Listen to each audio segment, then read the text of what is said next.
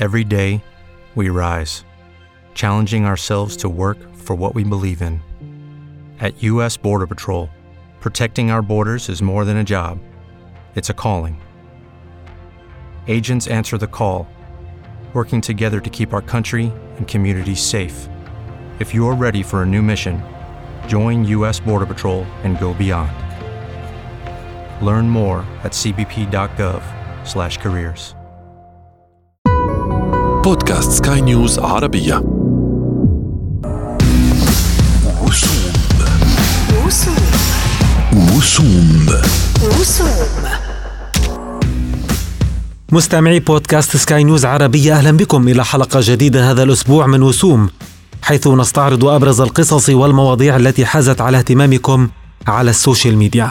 زيارة بابا الفاتيكان إلى العراق خطفت جميع الأنظار هذا الأسبوع على السوشيال ميديا. طبيعي جدا أن تكون زيارة لشخصية بهذه الأهمية لبلد مزقته الحروب قيمة على هذا النحو.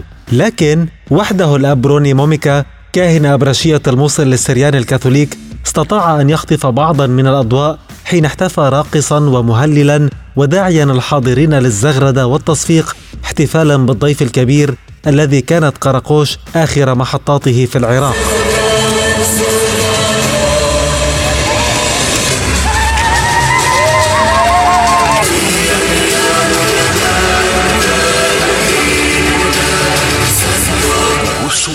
فرات غمرها المشهد بالغبطة وقالت للأب افرح وعبر عن فرحك أنت العراقي المسكين الذي لم تعرف الفرح منذ سنين.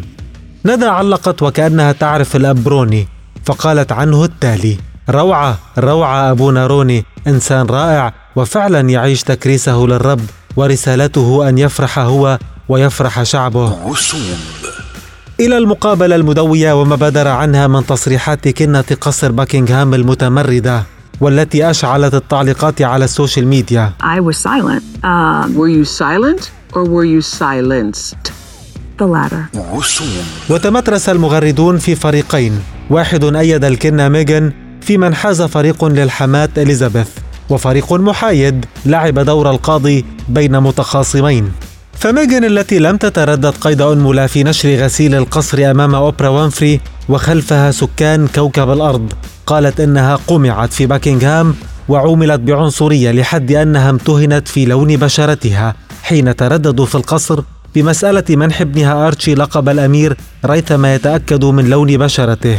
يا له من تقريع يا آل ويندسور. عموما الرد من القصر الملكي على المقابلة جاء سريعا حيث اعتبروها مجرد سيرك. هلا بيجي البعض وبيقول كذابة ومدري شو مستحيل يتخيلوا حجم الضغط اللي ممكن حتعيشه لأنها مش بيضة زي العيلة العريقة. وأقدر أتخيل حجم القلق اللي حيكونوا هم جالسين يتخيلوا لون بشرة حفيدهم حتى لو ما حكوها. النظرة التعامل والتصرفات متوقعة بشكل عام. لكن سالي كان لها موقف مغاير تماما ورأت أن ميغان انتهازية بامتياز دخلت إلى العائلة وثروتها كانت تقدر بخمسة ملايين دولار ويعرفها القليل من الناس وخرجت من عندهم وأصبحت مشهورة وسرقت الأمير ورصيدها 120 مليون وعلامات تعجب كثيرة من سالي. يا سالي هي لسه زوجة الأمير. منين جبتي كل هالمعلومات؟ وسوم من يحزركم كان حديث الناس على ال social media هذا الأسبوع أيضا؟ أندرو كومو. أتذكرون حاكم نيويورك